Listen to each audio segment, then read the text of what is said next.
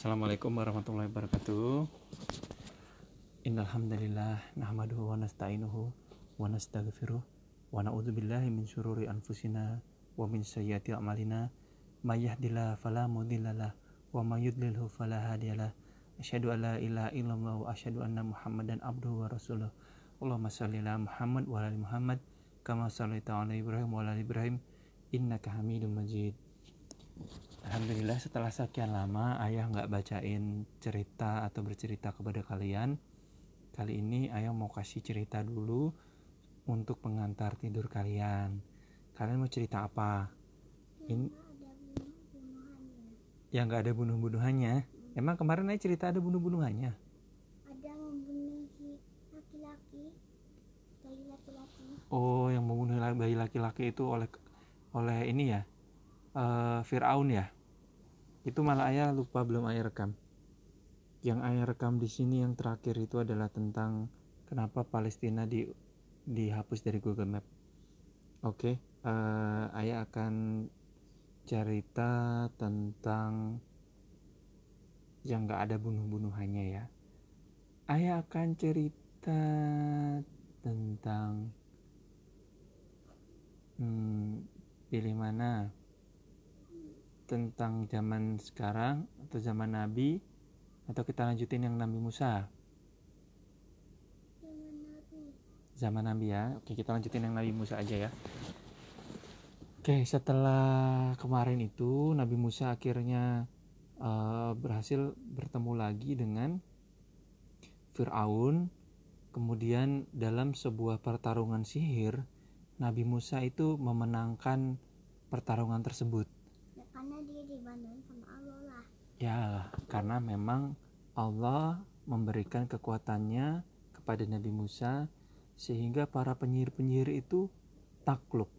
Para penyihir-penyihir itu malah berbalik menjadi pengikut Nabi Mu, Bisa. Nabi Musa. Apa mereka bilang? Mereka bilang bahwa kamulah yang benar Musa. Kamu itu yang sebenar-benarnya kekuatan itu ya kekuatanmu. Sementara kekuatan kami ini hanyalah tipu da, tipu daya atau magic atau trik gitu bahasa kerennya ya.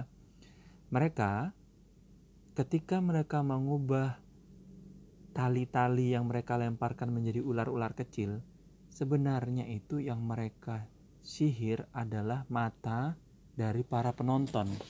Seolah-olah tali-tali yang mereka lemparkan itu berubah menjadi ular kecil-kecil.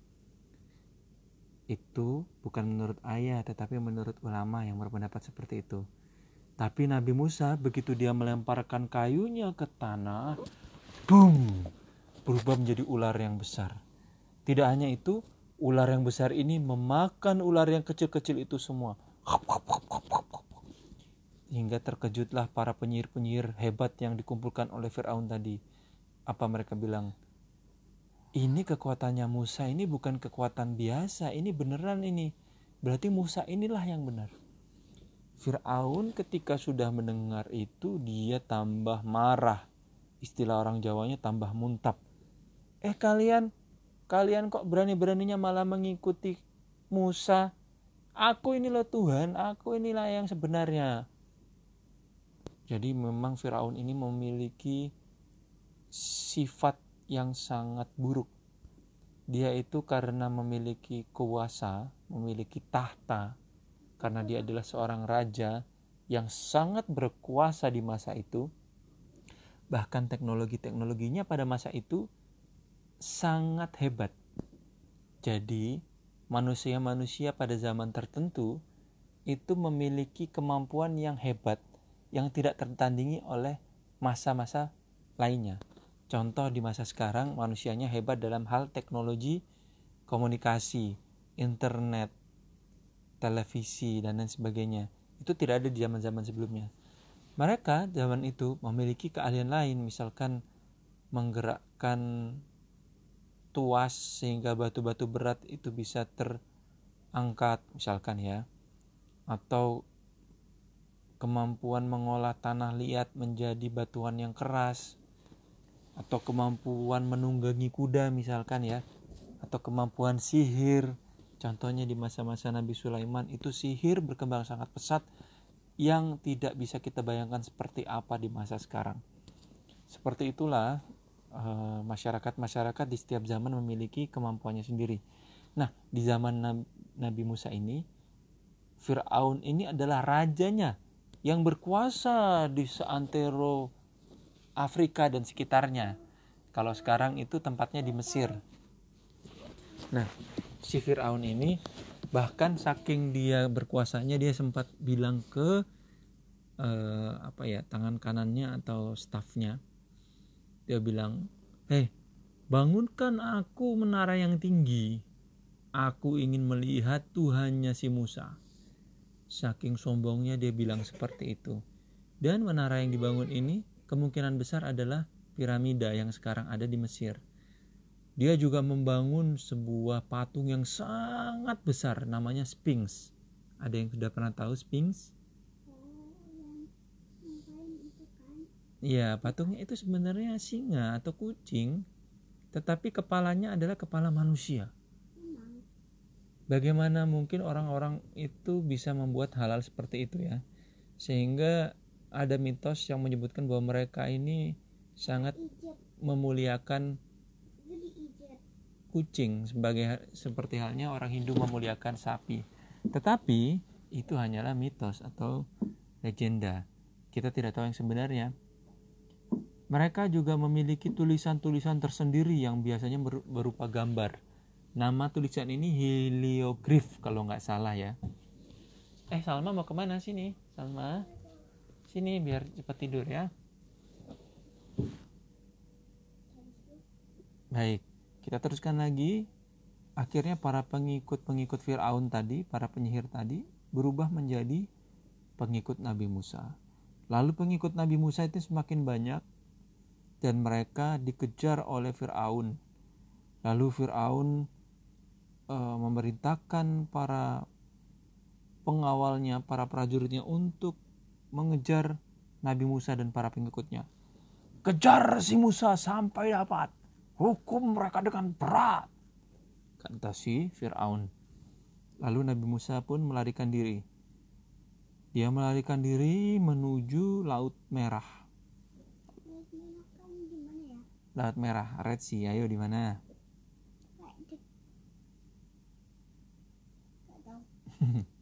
ya di dekat-dekat situ. Lalu ketika dia sudah sampai di depan laut, dia bingung. Aduh Gusti, gimana ini? Kok di depanku laut? Aku harus lari ke mana? Lalu Allah berfirman, jadi Nabi Musa ini bisa langsung berkomunikasi dengan Allah. Atau menurut ulama lain, sebenarnya itu dengan Jibril uh, sebagai perantara. Tetapi jumhur ulama berpendapat langsung sehingga Nabi Musa itu memiliki julukan kalamu kalamullah. Jadi Allah bilang Allah bilang apa? E, pukulkan tongkatmu itu ke laut yang ada di depanmu. Nabi Musa sambil masih agak bingung-bingung gitu dia lihat tongkatnya dan tanpa ragu-ragu dia pukulkan ke laut sebagaimana apa yang difirmankan oleh Allah. Lalu apa yang terjadi? Lautnya terbelah.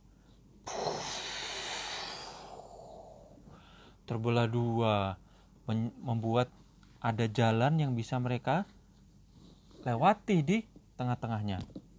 Lalu Nabi Musa memerintahkan para pengikutnya untuk semuanya menyeberang. Menyeberang, menyeberang, menyeberang.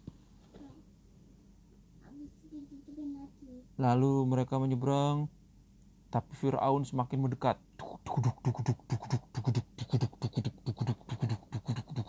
Suara apa itu? Iya, suara kuda. Itu tapi suara mulut ayah. itu suara kuda. Firaun dan bala tentaranya mendekat dengan perlengkapan kuda yang sangat-sangat hebat pada masa itu. Nabi Musa kemudian kembali mengetukkan uh, apa namanya tongkatnya ke laut yang ada di belakangnya. Nah, lalu pada saat itulah Fir'aun dan para tentaranya tenggelam. Ketika tenggelam ini di dalam Al-Qur'an disebutkan bahwa Firaun akhirnya sempat mau mempercayai bahwa Tuhannya Nabi Musa lah yang sebenarnya benar sebenar-benarnya Tuhan yaitu Allah. Lalu ketika dia hendak mengakui itu berarti dia kan mau bersyahadat la ilaha illallah. Tapi malaikat Jibril kalau tidak salah malaikat Jibril dia nggak rela kalau Firaun ini tiba-tiba dia eh, bertobat. Lalu malaikat Jibril menyumpal mulut Firaun dengan pasir sehingga dia tidak sempat bertobat. Lalu di dalam Al-Quran juga disebutkan bahwa jenazah Fir'aun ini diselamatkan. Artinya tidak sampai hancur. Tujuannya apa? Supaya orang-orang setelahnya pada masa-masa berikutnya masih bisa melihat dan mengambil hikmah dari kisah Fir'aun. surat Surat apa? Nanti cari sama-sama ya, saya juga lupa. Akan tetapi, meskipun sudah ditunjukkan di dalam Al-Quran, sudah dibuktikan bahwa ada jasad Fir'aun yang tidak hancur, masih banyak juga orang yang tidak percaya dan masih meragukan bahwa ada Allah yang maha mencipta, yang menciptakan langit, bumi, dan segala isinya yang membuat kita hidup bernafas, memiliki rambut, gigi, kuku. Bagaimana gigi kita bisa tumbuh setelah tadinya nggak ada apa-apa? Bagaimana kuku kita bisa terus tumbuh? Coba ini cuman kebetulan, apa mungkin bisa? Jangan-jangan gigi kita tumbuh di kepala. Emang tuh giginya tumbuh di kepala. Maksud saya, maksud ayah di atas rambut. Yang dari rambut, yang dari yang di gigi sekarang diganti rambut. Coba, nggak bisa makan kita. Terus kalau giginya di atas kepala, motong rambutnya gimana? Motong gigi dong. Jadi ini semua bukan kebetulan. Ini semua memang skenario atau takdir yang digariskan oleh Allah. Allah yang menciptakan seperti ini. Nah, akhirnya Nabi Musa dan para pengikutnya selamat.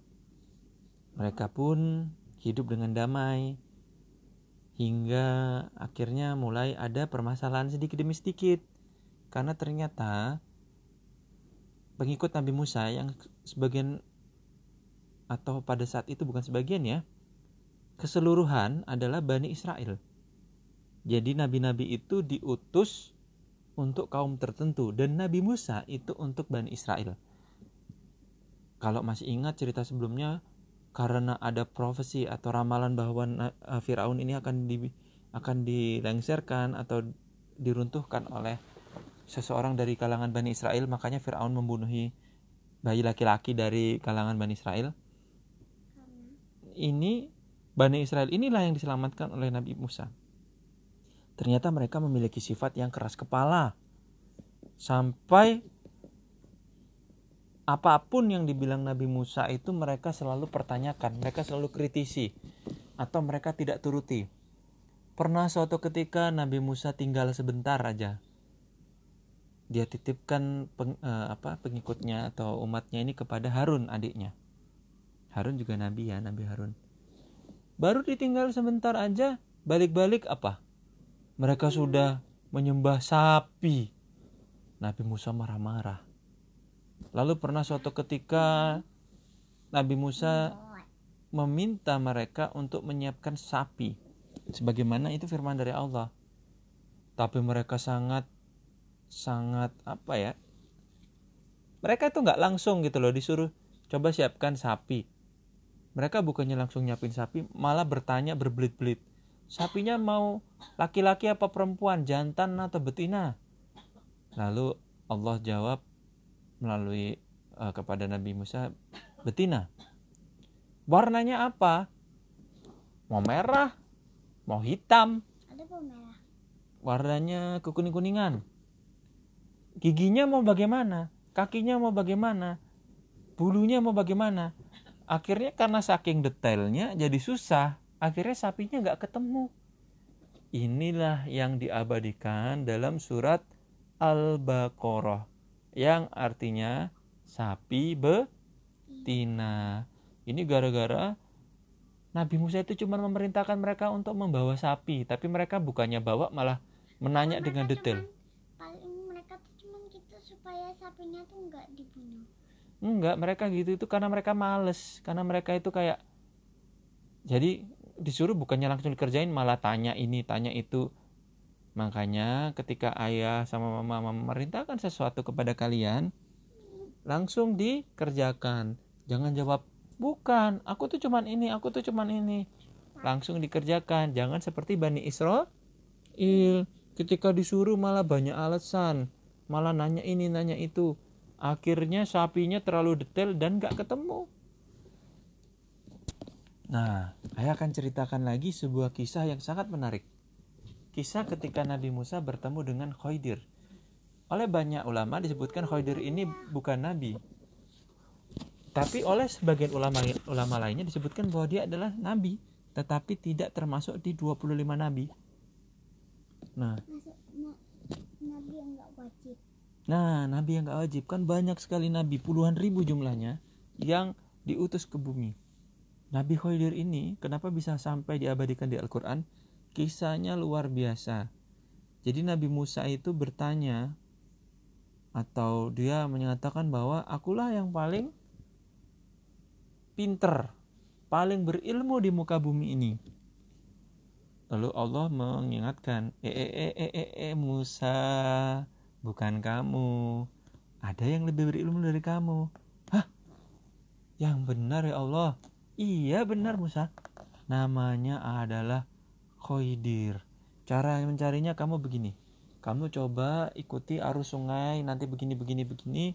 Kalau kamu menemukan ikan yang berlawanan arah begini begini begini nanti dia akan ada di situ.